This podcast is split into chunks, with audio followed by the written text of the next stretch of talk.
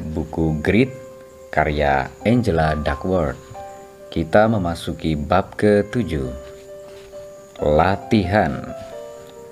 Pada salah satu studi penelitian awal saya, saya menemukan bahwa anak-anak yang lebih tabah pada lomba mengeja nasional melakukan lebih banyak latihan daripada pesaingnya yang kurang tabah. Latihan tambahan ini pada gilirannya menjelaskan pencapaian unggul mereka dalam final Temuan ini sangat masuk akal. Sebagai seorang guru matematika, saya mengamati bahwa upaya yang dilakukan siswa saya berada pada kisaran yang sangat lebar. Beberapa anak sama sekali tidak mengerjakan pekerjaan rumah mereka. Anak-anak lain belajar beberapa jam sehari. Dengan mempertimbangkan bahwa semua studi menunjukkan bahwa orang tabah biasanya bertahan pada komitmen mereka lebih lama daripada orang lain. Tampaknya Keunggulan utama dari ketabahan adalah menghabiskan lebih banyak waktu pada tugas. Pada waktu yang sama, saya mengenal banyak orang yang memiliki pengalaman selama beberapa dekade di pekerjaan mereka, tapi kompetensi mereka terhambat pada level menengah. Saya yakin kompetensi Anda juga bisa terhambat. Coba renungkan, apakah Anda mengenal seseorang yang sudah lama melakukan sesuatu, mungkin selama seluruh kehidupan profesionalnya, tapi hal terbaik yang dapat Anda katakan tentang keterampilannya adalah bahwa keterampilannya cukup baik dan tidak cukup buruk untuk melesat. Seorang rekan saya bergurau. Beberapa orang mendapatkan pengalaman 20 tahun, sementara orang lain mendapatkan pengalaman satu tahun selama 20 kali berturut-turut. Kaizen adalah bahasa Jepang yang berarti menolak kemandekan perkembangan. Terjemahan harfiahnya adalah perbaikan berkelanjutan. Beberapa waktu lalu, gagasan ini mendapat sambutan dalam kultur bisnis Amerika ketika digembar-gemborkan sebagai prinsip inti di balik ekonomi manufaktur Jepang yang sangat efisien. Setelah mewawancarai banyak teladan ketabahan, dapat saya katakan bahwa mereka semua memancarkan kaizen tanpa pengecualian. Begitu pula dalam wawancara dengan orang-orang yang luar biasa sukses. Wartawan Hester Lassey memperhatikan bahwa mereka semua menunjukkan keinginan kuat untuk melampaui level keahlian mereka yang sudah menakjubkan. Seorang aktor mungkin akan berkata, "Saya tidak pernah memainkan sebuah peran dengan sempurna, tapi saya ingin melakukannya dengan sebaik mungkin, dan dalam setiap peran saya ingin membawa sesuatu yang baru. Saya ingin berkembang." Seorang penulis mungkin berkata, "Saya ingin setiap buku yang saya tulis lebih baik daripada buku terakhir." Ini adalah keinginan kuat untuk menjadi lebih baik, jelas Hester, dan kebalikan dari rasa puas diri. Namun, ini adalah keadaan pikiran yang positif, bukan negatif, bukan melihat ke belakang dengan rasa tidak puas, tapi melihat ke depan dengan keinginan untuk tumbuh. Wawancara penelitian saya membuat saya bertanya-tanya apakah kata bahan itu bukan sekedar kuantitas waktu yang dicurahkan pada minat, tapi juga kualitas waktu. Tak hanya lebih banyak waktu pada tugas, tapi juga waktu yang lebih baik pada tugas. Saya mulai membaca segala sesuatu yang dapat saya baca tentang cara keterampilan berkembang. Tak lama kemudian, hal ini menuntun saya ke psikolog kognitif Andres Erikson Erikson menghabiskan karirnya mempelajari cara pakar memperoleh keterampilan kelas dunia. Ia mempelajari atlet olimpiade, master catur, pemain piano konser terkenal, penari balet wanita, pemain golf VGA, juara Scrabble, dan ahli radiologi. Daftarnya masih panjang. Singkat kata, Erikson adalah pakar dunia di bidang pakar dunia. Saya menggambarkan grafik yang merangkum apa yang dipelajari Erikson Bila memantau perkembangan orang-orang terkenal yang berprestasi internasional, Anda akan selalu menemukan bahwa keterampilan mereka menjadi semakin baik dalam beberapa tahun secara bertahap. Semakin bahir mereka, semakin perlahan laju peningkatan mereka. Ini ternyata berlaku untuk kita semua. Semakin banyak Anda mengetahui bidang Anda, semakin kecil peningkatan Anda dari satu hari ke hari berikutnya bahwa ada kurva ke pembelajaran untuk pengembangan keterampilan bukanlah sesuatu yang mengherankan. Namun, skala waktu pengembangan keterampilan ini mengherankan. Dalam salah satu studi yang dilakukan Erikson, pemain biola terbaik di Akademi Musik Jerman mengakumulasi sekitar 10.000 jam latihan selama 10 tahun sebelum mencapai level keahlian elit. Sebagai perbandingan, siswa yang kurang terampil mengakumulasi latihan sekitar separuh dari latihan pemain biola terbaik selama jangka waktu yang sama. Mungkin bukan kebetulan penari Martha Graham menyatakan butuh waktu sekitar 10 tahun untuk menghasilkan penari yang matang. Lebih dari satu abad lalu, para psikolog yang mempelajari operator telegraf mengamati bahwa tercapainya kefasihan penuh dalam kode Morse itu langka karena dibutuhkan bertahun-tahun waktu magang yang sulit. Berapa tahun? Bukti yang kami dapat Simpul para peneliti menunjukkan bahwa butuh waktu 10 tahun untuk menghasilkan operator berpengalaman. Bila sudah membaca penelitian asli Erickson, Anda tahu bahwa latihan puluhan ribu jam dalam rentang waktu 10 tahun hanyalah perkiraan rata-rata. Beberapa pemusik yang ia teliti berhasil mencapai tingkat tertinggi keahlian mereka sebelum waktu tersebut dan beberapa yang lain setelahnya. Namun, ada alasan baik mengapa aturan 10.000 jam dan 10 tahun menyebar luas. Aturan ini memberi Anda kesan yang mendalam tentang skala investasi yang dibutuhkan, bukan beberapa, bukan belasan, bukan puluhan, bukan ratusan jam, ribuan jam latihan selama bertahun-tahun. Wawasan yang benar-benar penting dari penelitian Erikson bukanlah bahwa para pakar menghabiskan lebih banyak jam untuk berlatih, namun, para pakar berlatih secara berbeda. Tak seperti sebagian besar dari kita, para pakar menghabiskan waktu ribuan jam melakukan apa yang oleh Erikson dinamakan latihan terencana. Saya menduga Erikson dapat memberikan jawaban menyangkut mengapa bila latihan sangat penting, pengalaman tak selalu berujung pada keunggulan. Jadi, saya memutuskan bertanya kepada kepadanya tentang hal itu, menggunakan diri saya sendiri sebagai contoh utama. Begini Profesor Erikson, saya selama ini melakukan jogging sekitar satu jam sehari, beberapa hari seminggu, sejak saya berusia 18 tahun, dan saya tidak lebih cepat satu detik pun daripada sebelumnya. Saya sudah berlari ribuan jam, tapi tampaknya saya tidak akan pernah mendekati level olimpiade. Ini menarik jawabnya. Bolehkah saya mengajukan beberapa pertanyaan kepada Anda? Tentu. Apakah Anda memiliki tujuan khusus untuk latihan Anda? Agar sehat, agar bisa mengenakan celana jeans saya. Ah, ya. Tapi bila Anda berlari, apakah Anda mempunyai target dalam hal kecepatan yang ingin Anda pertahankan atau jarak? Dengan kata lain, apakah ada aspek khusus pada kegiatan berlari Anda yang ingin Anda perbaiki? Hmm, tidak. Saya rasa tidak. Lalu dia bertanya, apa yang saya pikirkan saat berlari? Oh ya, mendengarkan NPR. Terkadang saya memikirkan hal-hal yang harus saya selesaikan hari itu. Saya mungkin merencanakan apa yang harus saya masak untuk makan malam. Lalu, ia memastikan bahwa saya tidak mengamati kegiatan lari saya secara sistematis. Tidak ada buku harian yang mencatat kecepatan saya, jarak, rute yang ditempuh, detak jantung akhir, atau berapa interval saya berlari cepat. Mengapa saya perlu melakukannya? Tidak ada variasi pada rutinitas saya. Setiap lari tidak berbeda dengan lari sebelumnya. Saya berasumsi Anda tidak mempunyai pelatih. Saya tertawa. Ah, ia bergumam. Saya rasa saya paham. Anda tidak semakin baik karena Anda tidak melakukan latihan yang terencana. Beginilah cara pakar berlatih. Pertama, mereka menetapkan tujuan yang terentang, membidik satu aspek sempit dari keseluruhan performa mereka, bukannya berfokus pada apa yang sudah mereka lakukan dengan baik. Para pakar berusaha memperbaiki kelemahan tertentu.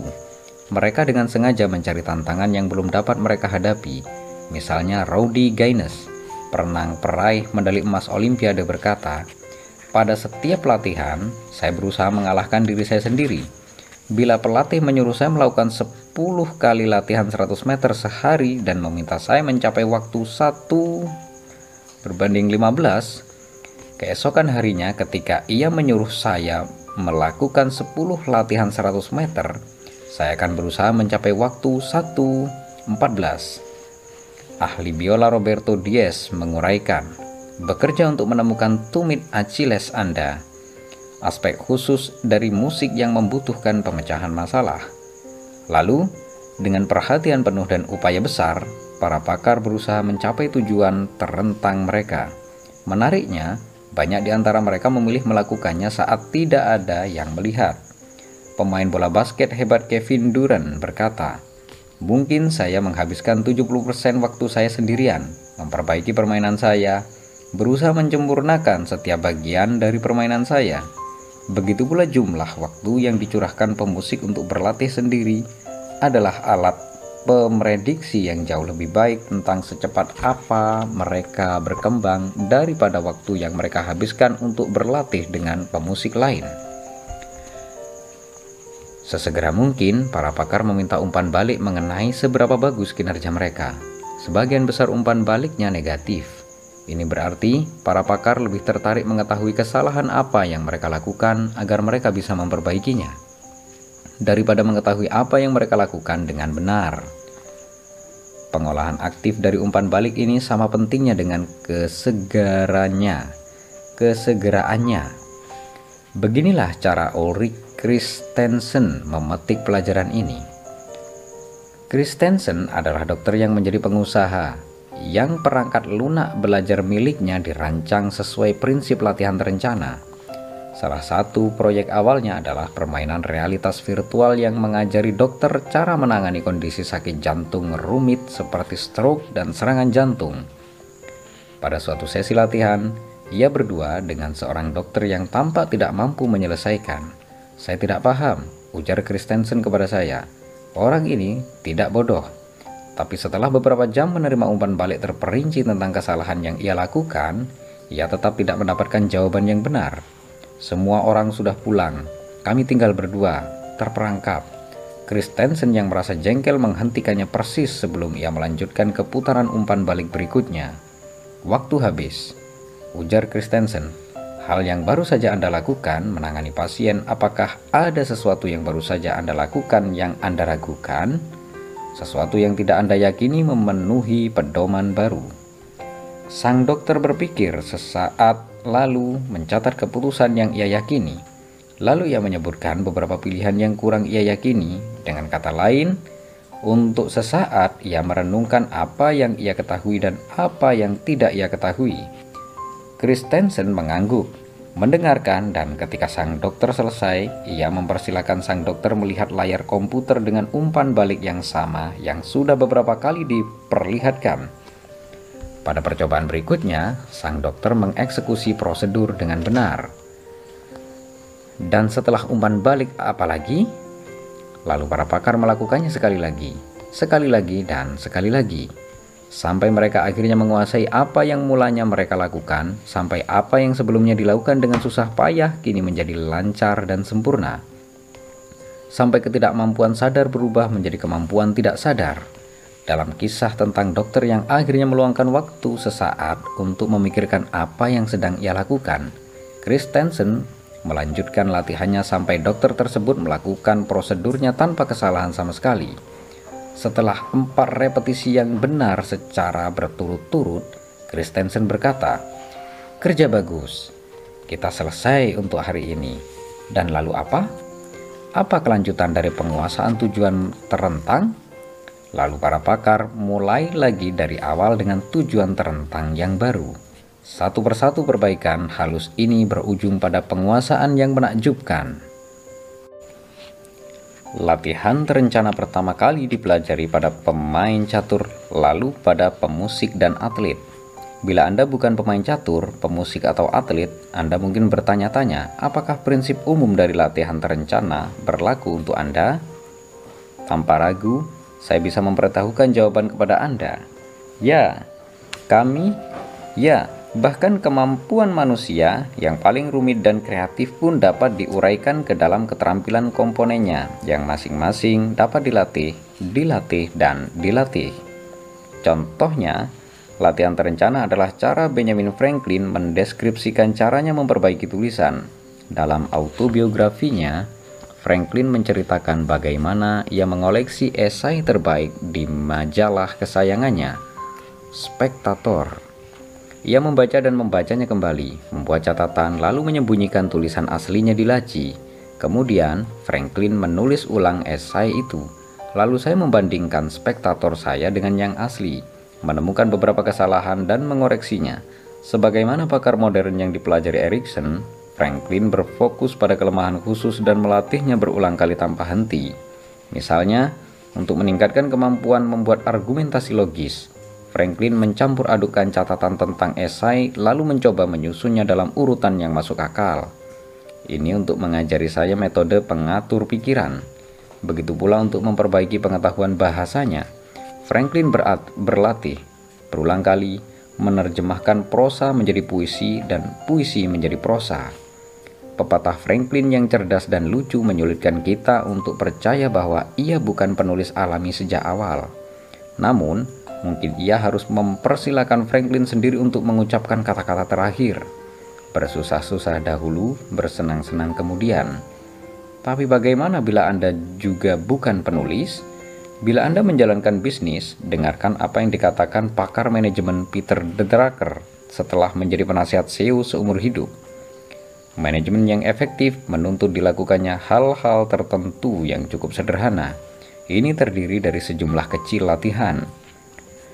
Bila Anda seorang ahli bedah, simak apa yang dikatakan Atul Gawande.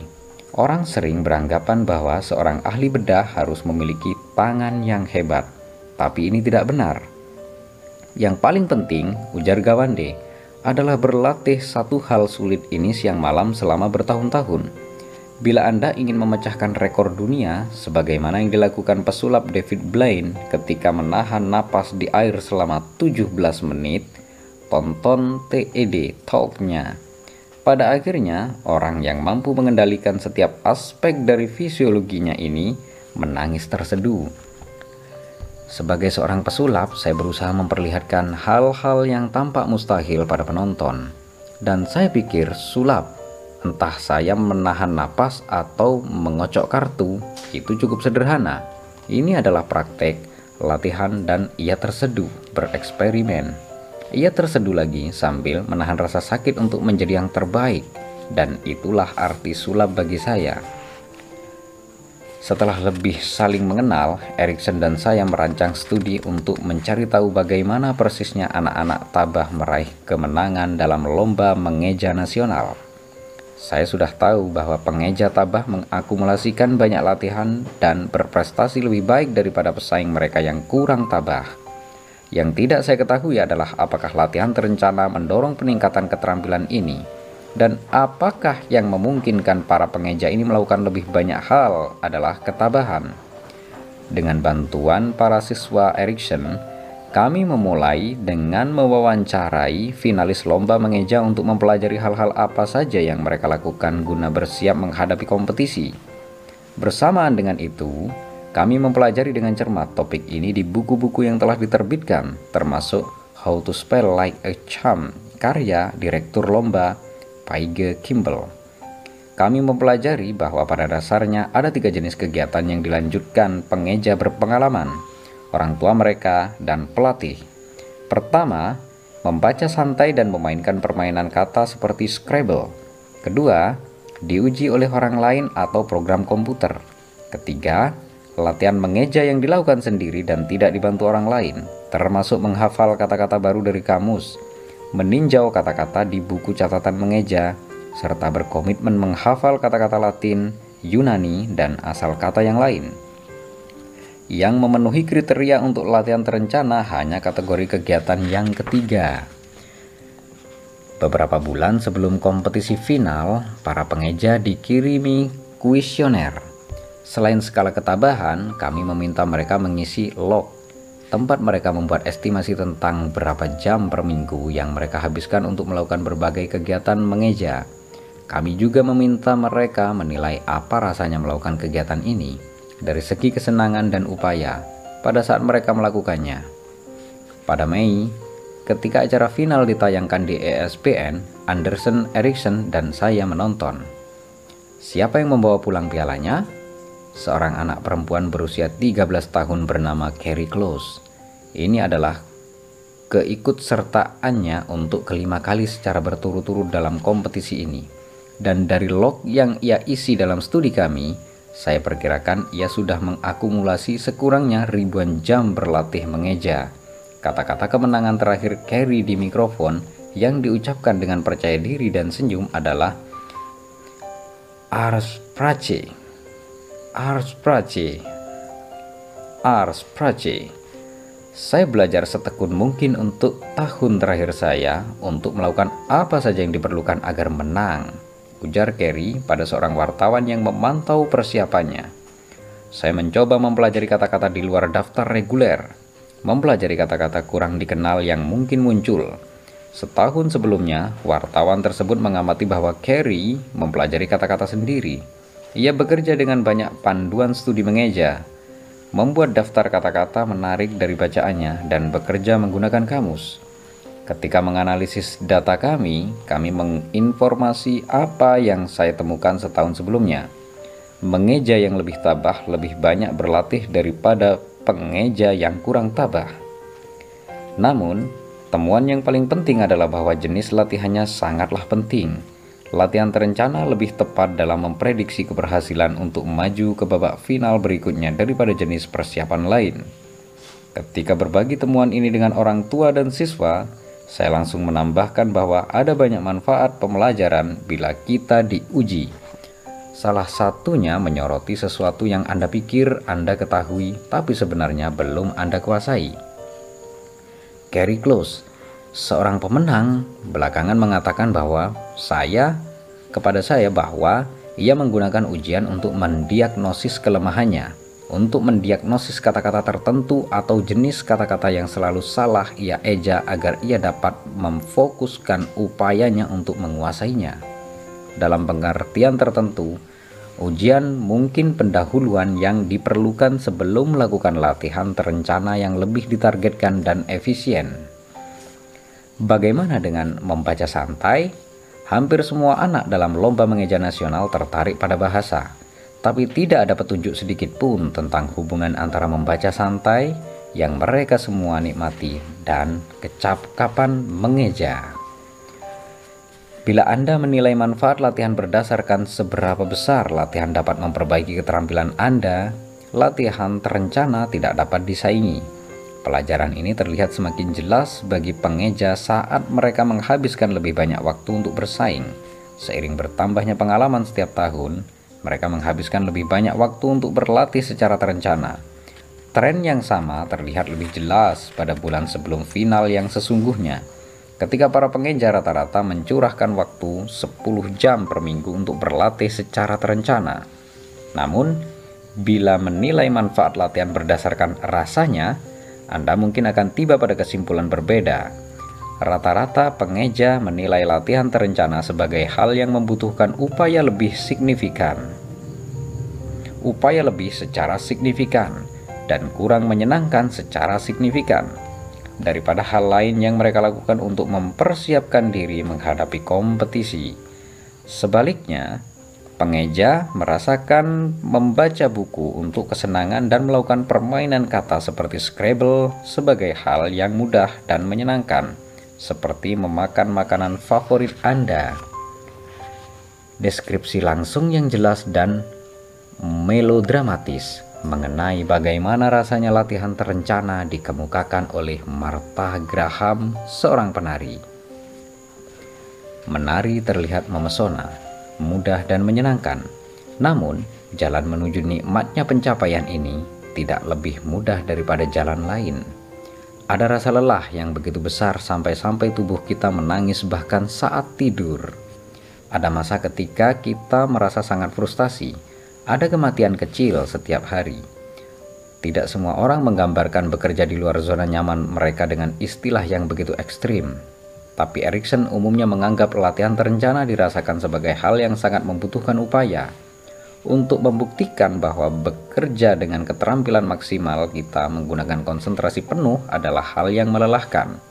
Ia menjelaskan bahwa para pemain kelas dunia yang berada di puncak karir mereka pun hanya sanggup melakukan maksimal satu jam latihan terencana sebelum mereka beristirahat secara total hanya bisa melakukan latihan terencana 3 hingga 5 jam per hari. Relevan juga bahwa banyak atlet dan pemusik tidur sebentar usai sesi latihan yang paling intensif. Mengapa? Istirahat dan pemulihan tampaknya merupakan kebutuhan nyata bagi atlet. Namun, non-atlet pun mempunyai pendapat yang sama tentang pengerahan upaya mereka yang paling intens, yang menyeratkan bahwa kerja mental lah selain stres fisik yang membuat latihan terencana menjadi begitu berat. Contohnya, beginilah Jet Apatow, seorang sutradara menggambarkan cara membuat film. Setiap hari adalah suatu eksperimen. Setiap adegan mungkin tidak berhasil, sehingga Anda berkonsentrasi apakah berhasil? Apakah saya harus mengambil kata-kata ekstra untuk pengeditan? Apa yang akan terjadi bila saya harus mengubahnya? Bila saya membencinya? Tiga bulan ke depan, mengapa saya membencinya? Anda berkonsentrasi dan kelelahan. Ini cukup intens. Dan terakhir, pemain kelas dunia yang mengundurkan diri cenderung tidak mempertahankan jadwal latihan terencana yang sama. Bila latihan itu pada hakikatnya menyenangkan, nikmat dengan sendirinya, mereka tentunya akan terus melakukannya. Setahun setelah Erikson dan saya mulai bekerja sama, Mihaly Csikszentmihalyi menghabiskan musim panas di universitas saya sebagai seorang cendekiawan. Si Zens Mihaly adalah seorang psikolog terkemuka seperti Erikson, dan keduanya mencurahkan karir untuk mempelajari pakar. Namun uraian mereka tentang keahlian kelas dunia sangat berbeda. Bagi Sis Zens Mihaly, pengalaman khas dari pakar adalah aliran, keadaan konsentrasi penuh yang berujung pada perasaan spontanitas. Aliran adalah melaksanakan sesuatu dengan tingkat tantangan yang tinggi tapi merasa tanpa beban. Seperti Anda tidak memikirkannya, Anda hanya melakukannya. Contohnya, seorang dirijen orkestra berkata pada Six Zen Mihalyi, Anda berada dalam keadaan luar biasa senang sedemikian rupa sampai-sampai merasa seolah-olah Anda hampir tidak ada. Tangan saya tampak tanpa diri saya dan saya tidak ada hubungannya dengan apa yang terjadi. Saya hanya duduk dan menonton dengan takjub dan heran dan musiknya mengalir keluar dengan sendirinya. Dan seorang atlet seluncur indah memberikan uraian ini tentang keadaan mengalir. Ini hanya salah satu program yang cocok. Maksud saya, semuanya berjalan dengan benar, semuanya terasa menyenangkan. Ini adalah perasaan senang yang dapat Anda rasakan berlangsung terus. Anda tidak ingin perasaan ini berhenti karena berjalan dengan baik sekali, seolah-olah Anda tidak perlu berpikir. Segala sesuatu berjalan secara otomatis tanpa perlu berpikir. Si Zen Mihaly mengumpulkan laporan langsung serupa dari ratusan pakar. Di setiap bidang yang dipelajari, pengalaman optimal digambarkan dengan istilah serupa. Erikson skeptis apakah latihan terencana bisa terasa senikmat aliran. Menurutnya, orang-orang terampil terkadang merasakan keadaan yang sangat menyenangkan. Aliran, sebagaimana digambarkan oleh Mihaly Csikszentmihalyi tahun 1990. Selama performa mereka, akan tetapi keadaan ini tidak kompatibel dengan latihan terencana. Mengapa? Karena latihan terencana direncanakan dengan cermat, sementara aliran bersifat spontan. Karena latihan terencana membutuhkan kerja ketika tantangan melampaui keterampilan, sementara aliran paling umum terasa ketika terjadi keseimbangan antara tantangan dan keterampilan. Dan yang paling penting, karena latihan terencana adalah hal yang membutuhkan upaya luar biasa, sementara aliran tidak membutuhkan upaya. Sixgen Mihaly mengeluarkan pendapat yang bertolak belakang. Peneliti yang mempelajari pengembangan bakat menyimpulkan bahwa untuk mempelajari keterampilan rumit apa pun dibutuhkan latihan selama sekitar 10.000 jam. Dan latihan itu bisa sangat membosankan dan tidak menyenangkan. Meskipun keadaan ini sering kali nyata, konsekuensinya tidak jelas. Sixen Mihalyi melanjutkan dengan berbagai kisah pribadi yang membantu menjelaskan perspektifnya. Di Hongaria, tempat ia tumbuh dewasa, pada pintu gerbang tinggi yang merupakan jalan masuk ke sekolah dasar lokal tergantung papan tanda yang bertuliskan akar dari pengetahuan terasa pahit tapi buahnya manis. Menurutnya ini sangat tidak benar. Meskipun pembelajarannya sulit tulisannya, tulisnya. Ini tidak pahit bila Anda merasa layak mendapatkannya, bahwa Anda mampu menguasainya bahwa berlatih apa yang Anda pelajari akan mengekspresikan siapa diri Anda dan membantu Anda mencapai apa yang Anda inginkan. Jadi siapa yang benar? Seperti takdir pada musim panas ketika Sixzens Mihaly datang berkunjung. Erikson juga berada di kota yang sama. Saya mengatur waktu bagi mereka ber untuk berdebat tentang topik hasrat dan performa kelas dunia di depan hadirin yang berjumlah sekitar 80 orang pendidik. Ketika mereka duduk di samping meja di bagian depan ruang kuliah, saya menyadari bahwa kedua pria ini sangat mirip satu sama lain. Keduanya bertubuh tinggi dan kekar. Keduanya terlahir sebagai orang Eropa dengan aksen datar yang entah mengapa membuat mereka terlihat lebih menonjol dan cerdas. Keduanya memelihara jenggot dan meskipun hanya jenggot Sixzens Mihaly yang sudah beruban, Kedua lelaki ini adalah pilihan tepat bila Anda mencari orang untuk memerankan Sinterklas. Pada hari acara itu diadakan, saya agak gelisah. Saya tidak suka konflik, meskipun bukan saya yang berkonflik. Ternyata tidak ada hal yang perlu saya khawatirkan. Para penganjur latihan terencana versus aliran bersikap seperti pria terhormat. Mereka tidak saling menghujat, malah tidak ada sedikit pun sikap tidak menghormati. Sebaliknya, Erikson dan Csikszentmihalyi duduk bahu-membahu masing-masing mengambil mikrofon pada giliran bicara mereka. Masing-masing merangkum secara metodis penelitian selama beberapa dekade yang mendukung perspektif yang bertolak belakang. Ketika salah satu sedang berbicara, yang lain tampak mendengarkan dengan cermat. Lalu mikrofon berpindah tangan. Begitulah acara berlangsung hingga 90 menit. Apakah pakar menderita? Tanya saya. Atau apakah mereka merasa sangat senang? Entah mengapa, dialog yang saya harapkan dapat menyelesaikan persoalan pelik ini malah menjadi dua presentasi terpisah yang satu tentang latihan terencana dan yang lain tentang aliran yang tersambung. Ketika acara berakhir, saya merasa agak kecewa yang membuat saya kecewa bukanlah bahwa acara ini tidak berlangsung dramatis, melainkan bahwa tidak ada resolusi. Saya tetap tidak mendapatkan jawaban terhadap pertanyaan saya, apakah performa pakar adalah persoalan pengerahan upaya yang sulit dan tidak menyenangkan, atau apakah performanya bisa berlangsung tanpa beban dan menyenangkan?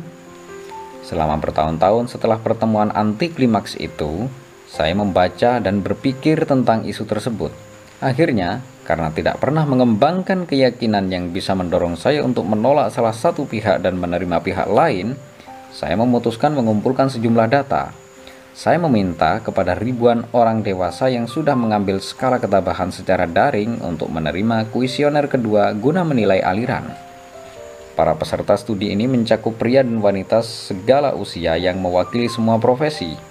Aktor, pembuat roti, teller bank, tukang cukur, dokter gigi, dokter, perwira polisi, sekretaris, guru, pelayan, dan tukang las. Di antara beberapa profesi lain, dari berbagai pekerjaan ini, orang dewasa yang tabah melapor bahwa mereka merasakan lebih banyak aliran, bukan lebih sedikit.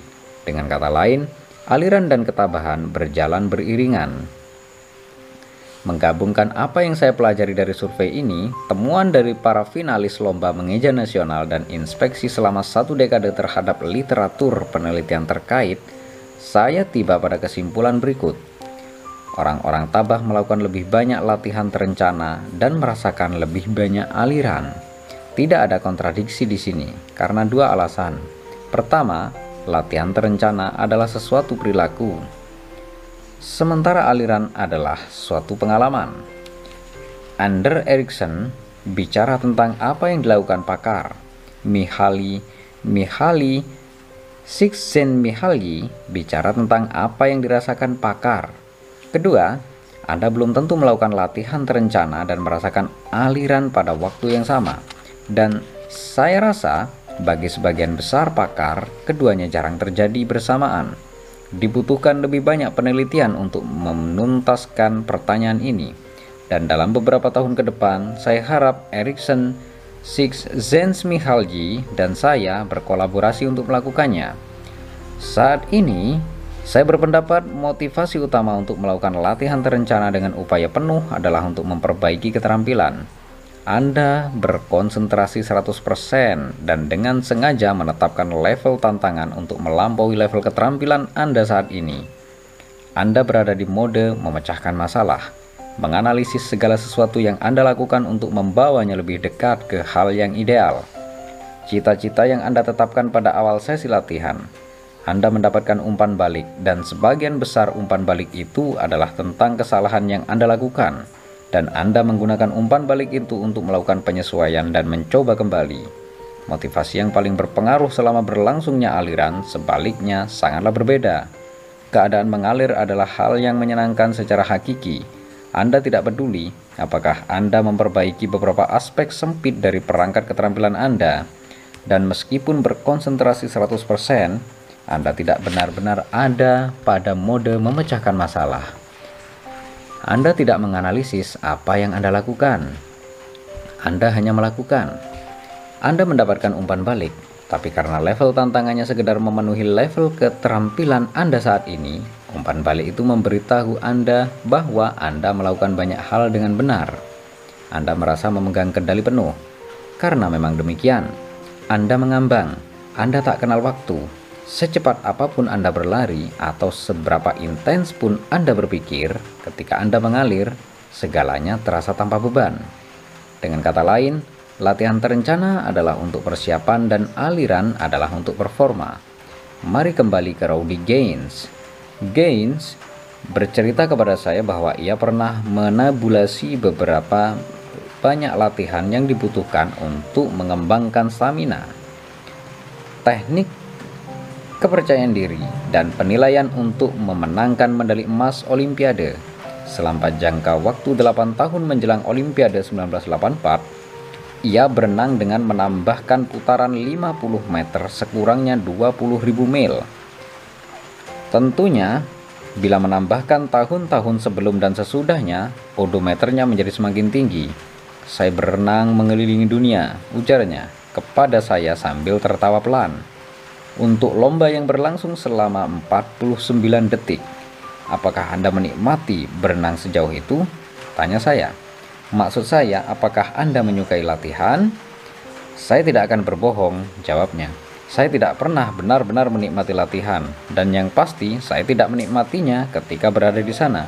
Malah, ada beberapa saat ketika berjalan ke kolam pada pukul 4 atau 4.30 pagi, atau terkadang ketika saya tak sanggup lagi menahan rasa sakit, saya berpikir, "Ya Tuhan, apakah upaya ini akan mendatangkan hasil setimpal?" Lalu, mengapa Anda tidak berhenti? Sederhana saja, ujar Raudi. Karena saya cinta renang, saya mempunyai hasrat untuk bersaing, untuk mengetahui hasil latihan, untuk merasakan nikmatnya kondisi bugar, untuk kemenangan, untuk bepergian, untuk bertemu dengan teman, saya membenci latihan, tapi saya mempunyai hasrat penuh untuk berenang. Atlet dayung pemenang medali emas Olimpiade Mats Rasmussen memberi uraian serupa tentang motivasinya. Ini adalah tentang kerja keras. Bila tidak menyenangkan, Anda toh melakukan apa yang perlu Anda lakukan. Karena bila Anda memetik hasil, hal ini sangat menyenangkan. Anda akhirnya akan menikmati keberhasilan Anda dan inilah yang menyeret Anda menyusuri sebagian besar jalan. Ide menyangkut latihan keterampilan melampaui tantangan selama bertahun-tahun yang berujung pada momen aliran keterampilan memenuhi tantangan-tantangan menjelaskan mengapa performa elit bisa terlihat begitu tanpa beban. Dalam suatu pengertian, memang tanpa beban. Ini contohnya. Perenang berusia 18 tahun, Katie Ladeki belum lama ini memecahkan rekor dunia 1500 meter gaya bebas atas namanya sendiri. Secara tak terduga, sejarah terjadi pada babak pendahuluan sebuah kompetisi renang di Kazan, Rusia.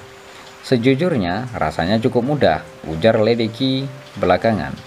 Saya merasa sangat rileks. Namun Ledeki menilai kecepatan yang ia raih bukanlah berkat aliran. Memecah, memecahkan rekor itu adalah bukti dari kerja keras saya dan kondisi saya saat ini. Mem memang, Ledeki sudah berenang sejak usia 6 tahun. Ia memiliki reputasi sebagai perenang yang berlatih keras dalam setiap latihan. Terkadang berlatih dengan perenang pria untuk menambah tantangan. Tiga tahun lalu, Ledeki bercerita bahwa pikirannya sempat kosong saat tampil dalam perlombaan gaya bebas dalam 800 meter yang mengantarnya memenangkan medali emas. Satu hal yang tidak diketahui banyak orang tentang renang, ujarnya kemudian, adalah bahwa kerja keras dalam latihan akan terlihat dalam perlombaan. Berikut kisah saya sendiri tentang latihan terencana yang berujung pada momen aliran tanpa beban. Beberapa tahun lalu, seorang produser bernama Juliet Blake menelepon untuk bertanya apakah saya berminat melakukan TED Talk selama 6 menit. Tentu, ujar saya. Sepertinya menyenangkan. Hebat. Setelah ceramah Anda siap, kami akan melakukan konferensi video, yaitu kami melihat Anda memberikan ceramah dan memberi Anda umpan balik, semacam gladiresik. Hmm, umpan balik. Kata Anda, sesuatu selain tepuk tangan? Secara lebih perlahan, saya berkata, tentu, kedengarannya tak masalah. Saya mempersiapkan ceramah dan pada hari yang ditentukan menghubungi Juliet dan atasannya, pemimpin TED, Chris Anderson, sambil menatap webcam saya memberi ceramah pada waktu yang ditetapkan, lalu saya menunggu mendapatkan pujian berlebih. Bila ada pujian, saya tidak mendengarnya. Sebaliknya, yang saya peroleh adalah masukan dari Chris bahwa ia tidak dapat mengikuti pembicaraan saya karena saya terlalu banyak menyisipkan istilah ilmiah, terlalu banyak suku kata, terlalu banyak silindia, dan contoh yang jelas serta dapat dipahami tidak cukup.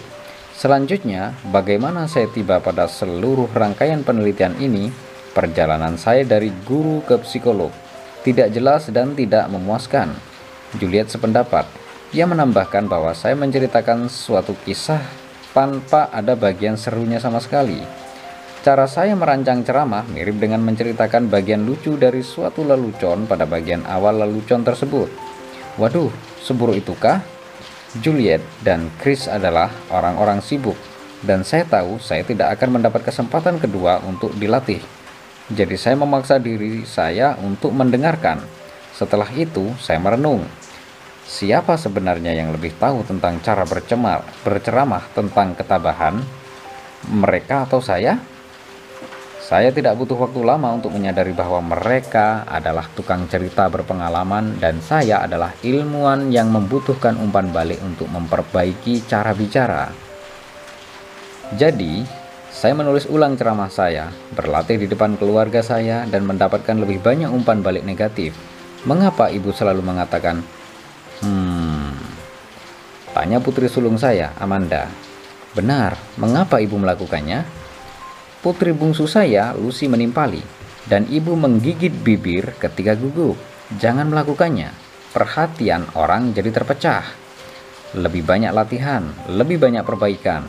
Lalu, hari yang menentukan itu tiba. Saya memberikan ceramah yang tidak terlalu mirip dengan ceramah yang saya berikan sebelumnya. Ceramah ini lebih bagus, jauh lebih bagus. Tontonlah ceramah itu dan Anda akan melihat saya mengalir.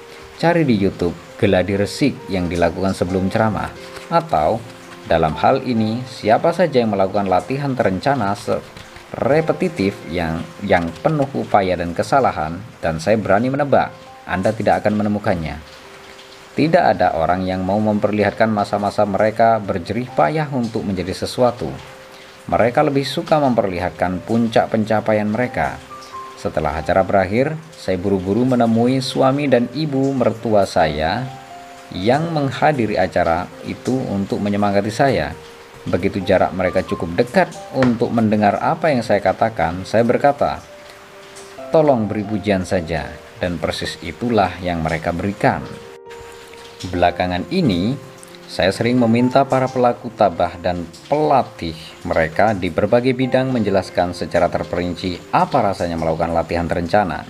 Banyak di antara mereka sependapat dengan Martha Graham yang berprofesi sebagai seorang penari bahwa upaya untuk melakukan apa yang tidak Anda bisa lakukan menimbulkan rasa frustasi, ketidaknyamanan, dan bahkan kepedihan. Akan tetapi, beberapa orang mengatakan bahwa nyatanya pengalaman latihan terencana bisa sangat positif, tak hanya dalam jangka panjang, tapi juga pada saat itu. Menyenangkan bukan kata yang tepat untuk menggambarkan latihan terencana, tapi begitu juga pedih. Dan para pelaku unggulan juga mengungkapkan bahwa alternatif terhadap latihan terencana, sekedar berlatih karena harus tanpa perbaikan adalah bentuk penderitaan sendiri. Saya mencoba memahami pengamatan ini selama beberapa waktu. Lalu saya memutuskan melihat kembali data buku harian yang dikumpulkan oleh Erikson dan saya dari para finalis lomba mengeja nasional. Meskipun saya tahu para pengeja menilai latihan terencana sebagai hal yang penuh upaya dan tidak menyenangkan, saya juga ingat bahwa pengalaman rata-rata para pengeja tidak persis sama. Saya mencari tahu bagaimana pesaing tabah menjalani latihan terencana dibandingkan dengan pesaing mereka yang kurang berhasrat dan kurang gigih. Pengeja tabah tidak saja melakukan latihan terencana lebih lama, mereka juga menilai sebagai hal yang lebih menyenangkan dan lebih membutuhkan upaya. Betul, anak-anak tabah konon bekerja lebih keras daripada anak-anak lain saat melakukan latihan terencana, tapi pada waktu yang sama mereka lebih menikmatinya daripada anak-anak lain. Sulit mengetahui secara pasti apa yang dapat disimpulkan dari temuan ini. Salah satu kemungkinan adalah bahwa anak-anak yang lebih tabah menghabiskan lebih banyak waktu melakukan latihan terencana, dan bahwa setelah beberapa tahun mereka menyukai kerja keras karena merasakan imbalan dari kerja keras mereka. Ini adalah cerita belajar mencintai kepedihan. Kemungkinan lain Anak-anak yang lebih tabah lebih menikmati kerja keras, dan itu membuat mereka lebih sering bekerja keras. Ini adalah cerita. Beberapa orang menikmati tantangan. Saya tidak bisa mengatakan kepada Anda uraian mana yang akurat, dan bila harus menebak, saya rasa dua-duanya ada benarnya. Sebagaimana yang akan kita pelajari di bab 11, ada bukti ilmiah solid bahwa pengalaman subjektif terkait upaya ada rasanya, apa rasanya bekerja keras, bisa dan akan berubah bila misalnya upaya mendapat imbalan tertentu. Saya melihat putri-putri saya belajar menikmati kerja keras lebih daripada biasanya dan saya bisa mengatakan hal yang sama untuk diri saya sendiri. Di lain pihak, pelatih Katy Ladeki, Bruce Gamel, mengatakan bahwa Katy selalu mendambakan tantangan sulit. Orang tua Katy mempunyai video singkat yang memperlihatkan perlombaan renang pertama Katy, ujar Bruce kepada saya. Itu hanya satu putaran. Ia berusia enam tahun. Ia berenang ke arah garis jalur dan memegangnya. Ia kembali berenang ke arah garis jalur dan memegangnya lagi. Akhirnya, ia berenang ke ujung kolam dan keluar dari air. Ayah merekam dan bertanya, "Ceritakan tentang lomba pertamamu. Bagaimana rasanya?" Kathy menjawab, Hebat.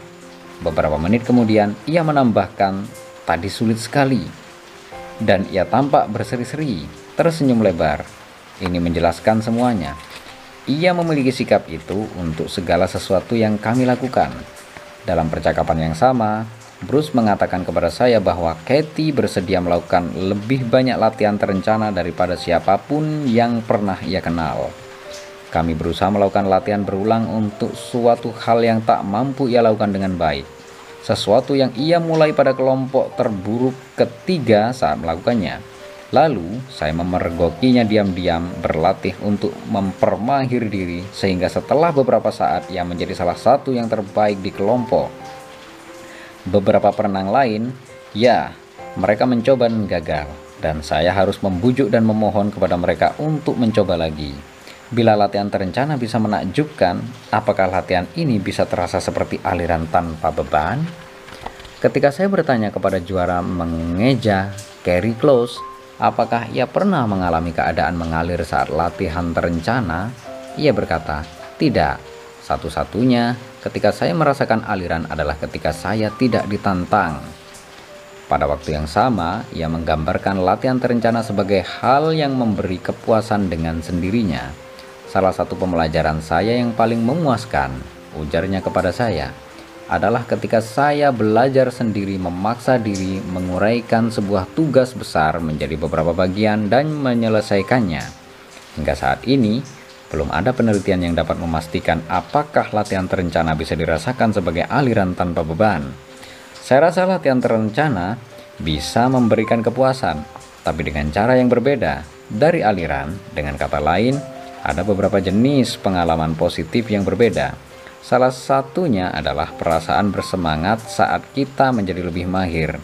Dan yang satu lagi adalah perasaan sukacita setelah memberikan performa terbaik. Selain mendapatkan pelatihan, mentor, atau guru yang hebat, bagaimana Anda bisa memperoleh hasil maksimal dari latihan terencana dan karena Anda layak mendapatkan latihannya, merasa lebih banyak aliran? Pertama, kenali ilmunya. Setiap persyaratan dasar untuk latihan terencana tidaklah luar biasa. Cita-cita terentang yang dijabarkan dengan jelas, konsentrasi dan upaya penuh, umpan balik yang bersifat segera dan informatif, pengulangan dengan perenungan dan perbaikan. Namun, berapa jam latihan yang dilakukan kebanyakan orang yang mencentang keempat kotak tersebut? Saya rasa banyak orang menjalani hidup tanpa melakukan latihan terencana sama sekali. Bahkan orang-orang yang sangat termotivasi sekalipun yang bekerja hingga kelelahan belum tentu melakukan latihan terencana. Contohnya, ketika tim mendayung Jepang mengundang pemenang medali emas Olimpiade Mats Rasmussen datang berkunjung, ia terkejut melihat berapa jam latihan yang dilakukan atlet Jepang. Yang diperlukan bukanlah latihan melelahkan yang hanya mengandalkan kekuatan, ujarnya kepada mereka. Yang diperlukan adalah tujuan latihan yang diperkirakan dengan cermat, yang berkualitas tinggi, persis sebagaimana diperlihatkan oleh penelitian Erikson selama hanya beberapa jam sehari. Noah Kageyama, psikolog performa di Juilliard School of Music mengatakan ia bermain biola sejak berusia 2 tahun tapi baru mulai benar-benar berlatih secara terencana sejak berusia 22 tahun. Mengapa begitu? Ia tidak kekurangan motivasi. Pada satu titik, Noah muda mengikuti les dengan empat guru berbeda dan melakukan perjalanan ke tiga kota berbeda untuk berlatih dengan mereka semua. Benar, masalahnya adalah Noah tidak tahu. Begitu ia mengetahui bahwa ilmu latihan itu ada, pendekatan yang ia akan mening pendekatan yang akan meningkatkan keterampilannya secara lebih efisien kualitas latihannya dan kepuasannya pada kemajuan yang ia raih meningkat pesat. Ia kini mencurahkan diri untuk berbagi pengetahuan tersebut dengan pemusik lain. Beberapa tahun lalu, saya dan Lauren X. S. Chris Winkler, mahasiswa pasca sarjana saya, dan saya memutuskan untuk mengajari anak-anak tentang latihan terencana. Kami menggabungkan pelajaran pandu diri, lengkap dengan kartun dan cerita, yang menjelaskan perbedaan kunci adalah latihan terencana dan cara-cara belajar yang kurang efektif. Kami menjelaskan bahwa sebaik apa pun bakat awal mereka, pemain hebat di bidang apa pun akan semakin mahir bila melakukan latihan terencana.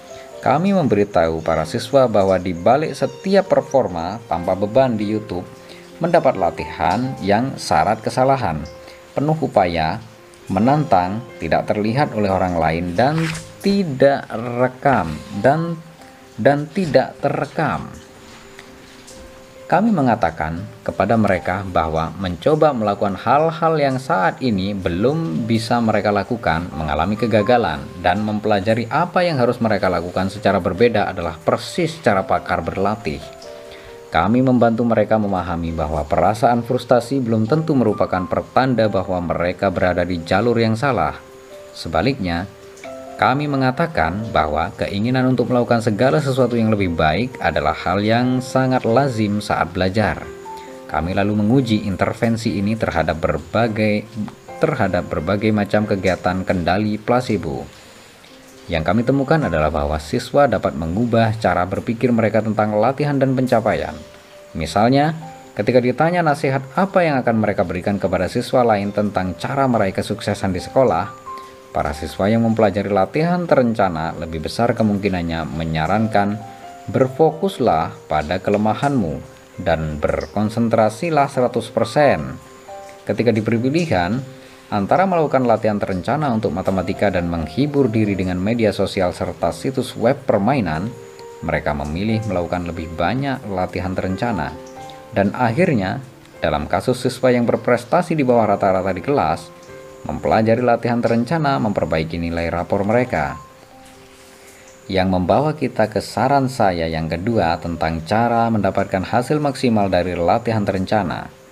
Jadilah ini kebiasaan. Yang saya maksud, cari tahu kapan dan di mana Anda merasa paling nyaman melakukan latihan terencana.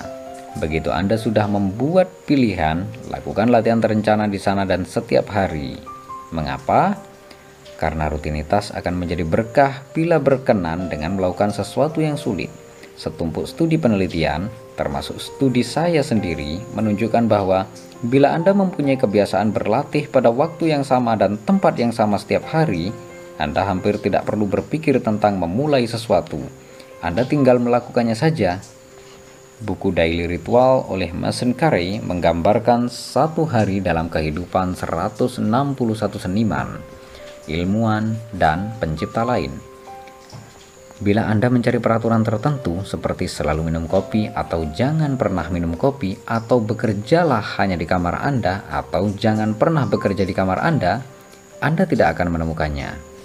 Namun bila sebaliknya Anda bertanya, apakah kesamaan yang dimiliki para pencipta? Anda akan menemukan jawabannya persis di judulnya, Ritual Harian. Dengan cara khusus mereka sendiri, semua pakar di buku ini secara konsisten melakukan latihan terencana sendirian. Mereka mengikuti rutinitas. Mereka adalah makhluk yang terbiasa. Contohnya, kartunis Charles Coles yang menggambar hampir 18.000 strip komik Peanuts dalam karirnya. Bangun saat fajar, mandi, bercukur, dan sarapan bersama anak-anaknya. Ia lalu mengantar anak-anaknya ke sekolah lalu pergi ke studio miliknya, tempat ia bekerja sampai makan siang, sandwich, dan segelas susu, sampai anak-anaknya pulang sekolah. Rutinitas Maya Angelou Seorang penulis adalah bangun pagi dan minum kopi bersama suaminya lalu pergi ke kamar hotel kecil dari jam 7 pagi sampai jam 2 siang. Akhirnya, bila Anda terus berlatih pada waktu dan tempat yang sama, apa yang dulunya Anda lakukan sambil berpikir cermat menjadi sesuatu yang otomatis. Tidak ada manusia yang lebih sengsara, ujar William James mengamati, daripada dia yang permulaan setiap pekerjaannya harus diputuskan sejak awal lagi setiap hari. Saya sendiri memetik pelajaran ini dengan cepat. Sekarang saya tahu apa yang dimaksud Joyce Carol Oates ketika ia mengibaratkan perampungan draft pertama sebuah buku sebagai mendorong sebutir kacang sepanjang lantai dapur yang sangat kotor dengan hidung Anda. Jadi apa yang harus saya lakukan? Berikut rencana harian sederhana yang membantu mendorong saya. Pada jam 8 pagi ketika saya berada di ruangan kerja di rumah, saya akan membaca ulang draft kemarin. Kebiasaan ini tidak mempermudah saya menulis, tapi yang pasti mempermudah saya memulai. Saran saya yang ketiga untuk mendapatkan hasil maksimal dari latihan terencana adalah mengubah cara Anda merasakannya. Saat saya meninjau kembali data lomba mengeja nasional dan mendapati betapa jauh lebih menyenangkannya pengalaman latihan terencana bagi peserta lomba yang lebih tabah, saya menelepon seorang pelatih renang bernama Terry Langlin. Terry pernah melatih perenang di setiap level, dari perenang pemula hingga juara olimpiade, dan pernah memecahkan rekor di lomba renang terbuka Masters. Saya sangat tertarik pada perspektifnya karena dia sudah lama menganjurkan apa yang dia namakan pendekatan keterlibatan penuh. Pada renang, pada dasarnya sadar, rileks saat meluncur menerobos air, Latihan terencana bisa terasa menakjubkan, ujar Terry kepada saya. Bila Anda mencoba, Anda bisa belajar menyambut tantangan dan tidak takut padanya. Anda bisa melakukan segala sesuatu yang seharusnya Anda lakukan selama latihan terencana. Cita-cita yang jelas, umpan balik, semuanya dan tetap merasa senang saat melakukannya. Ini semua adalah tantangan kesadaran diri tanpa penghakiman. Lanjutnya, ini adalah tentang melepaskan diri dari penghakiman yang menghalangi kita menikmati tantangan. Usai berbicara di telepon dengan Terry, saya mulai berpikir tentang kenyataan bahwa bayi dan anak balita menghabiskan sebagian besar waktu mereka melakukan hal-hal yang tidak bisa mereka lakukan berulang kali, tapi mereka tidak terlihat malu atau gelisah. Bersakit-sakit dahulu, bersenang-senang kemudian adalah aturan yang tampaknya tak berlaku pada lingkungan prasekolah. Elena Bodrova dan Deborah Leong, dua psikolog yang mencurahkan karir untuk mempelajari cara anak-anak belajar, sependapat bahwa bayi dan anak balita sama sekali tidak keberatan belajar dari kesalahan. Lihatlah seorang bayi bersusah payah untuk duduk atau seorang anak balita berjalan belajar berjalan. Anda akan melihat terjadinya kesalahan demi kesalahan, kegagalan demi kegagalan, banyak tantangan yang melampaui keterampilan, banyak konsentrasi, banyak umpan balik, banyak pemelajaran. Secara emosional, ya, mereka terlalu kecil untuk bertanya, tapi anak kecil tidak tampak tersiksa saat berusaha melakukan hal-hal yang belum bisa mereka lakukan. Lalu, beberapa hal berubah menurut Elena dan Deborah. Saat anak-anak masuk taman kanak-kanak, mereka mulai memperhatikan bahwa kesalahan mereka menimbulkan reaksi tertentu pada orang dewasa. Apa yang kita lakukan? Kita mengernyitkan dahi, pipi kita agak memerah, kita buru-buru mendekati anak kita untuk memberitahu bahwa mereka melakukan kesalahan. Dan apa pelajaran yang kita berikan? Rasa malu, takut, rasa bersalah. Pelatih Bruce Gemmel mengatakan bahwa persis itulah yang terjadi pada perenang asuhannya.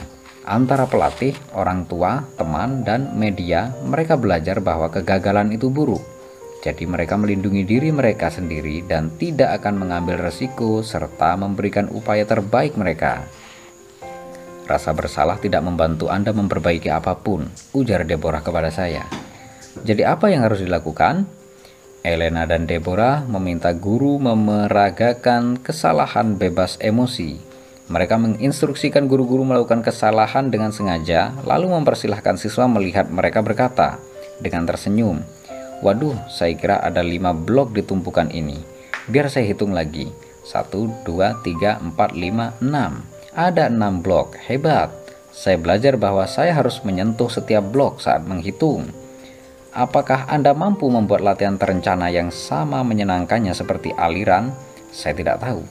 Tapi rasa Anda, tapi saya rasa Anda boleh mencoba mengatakan kepada diri Anda sendiri dan orang lain. Sulit juga, hebat juga. Terima kasih dan bersambung ke bab 8.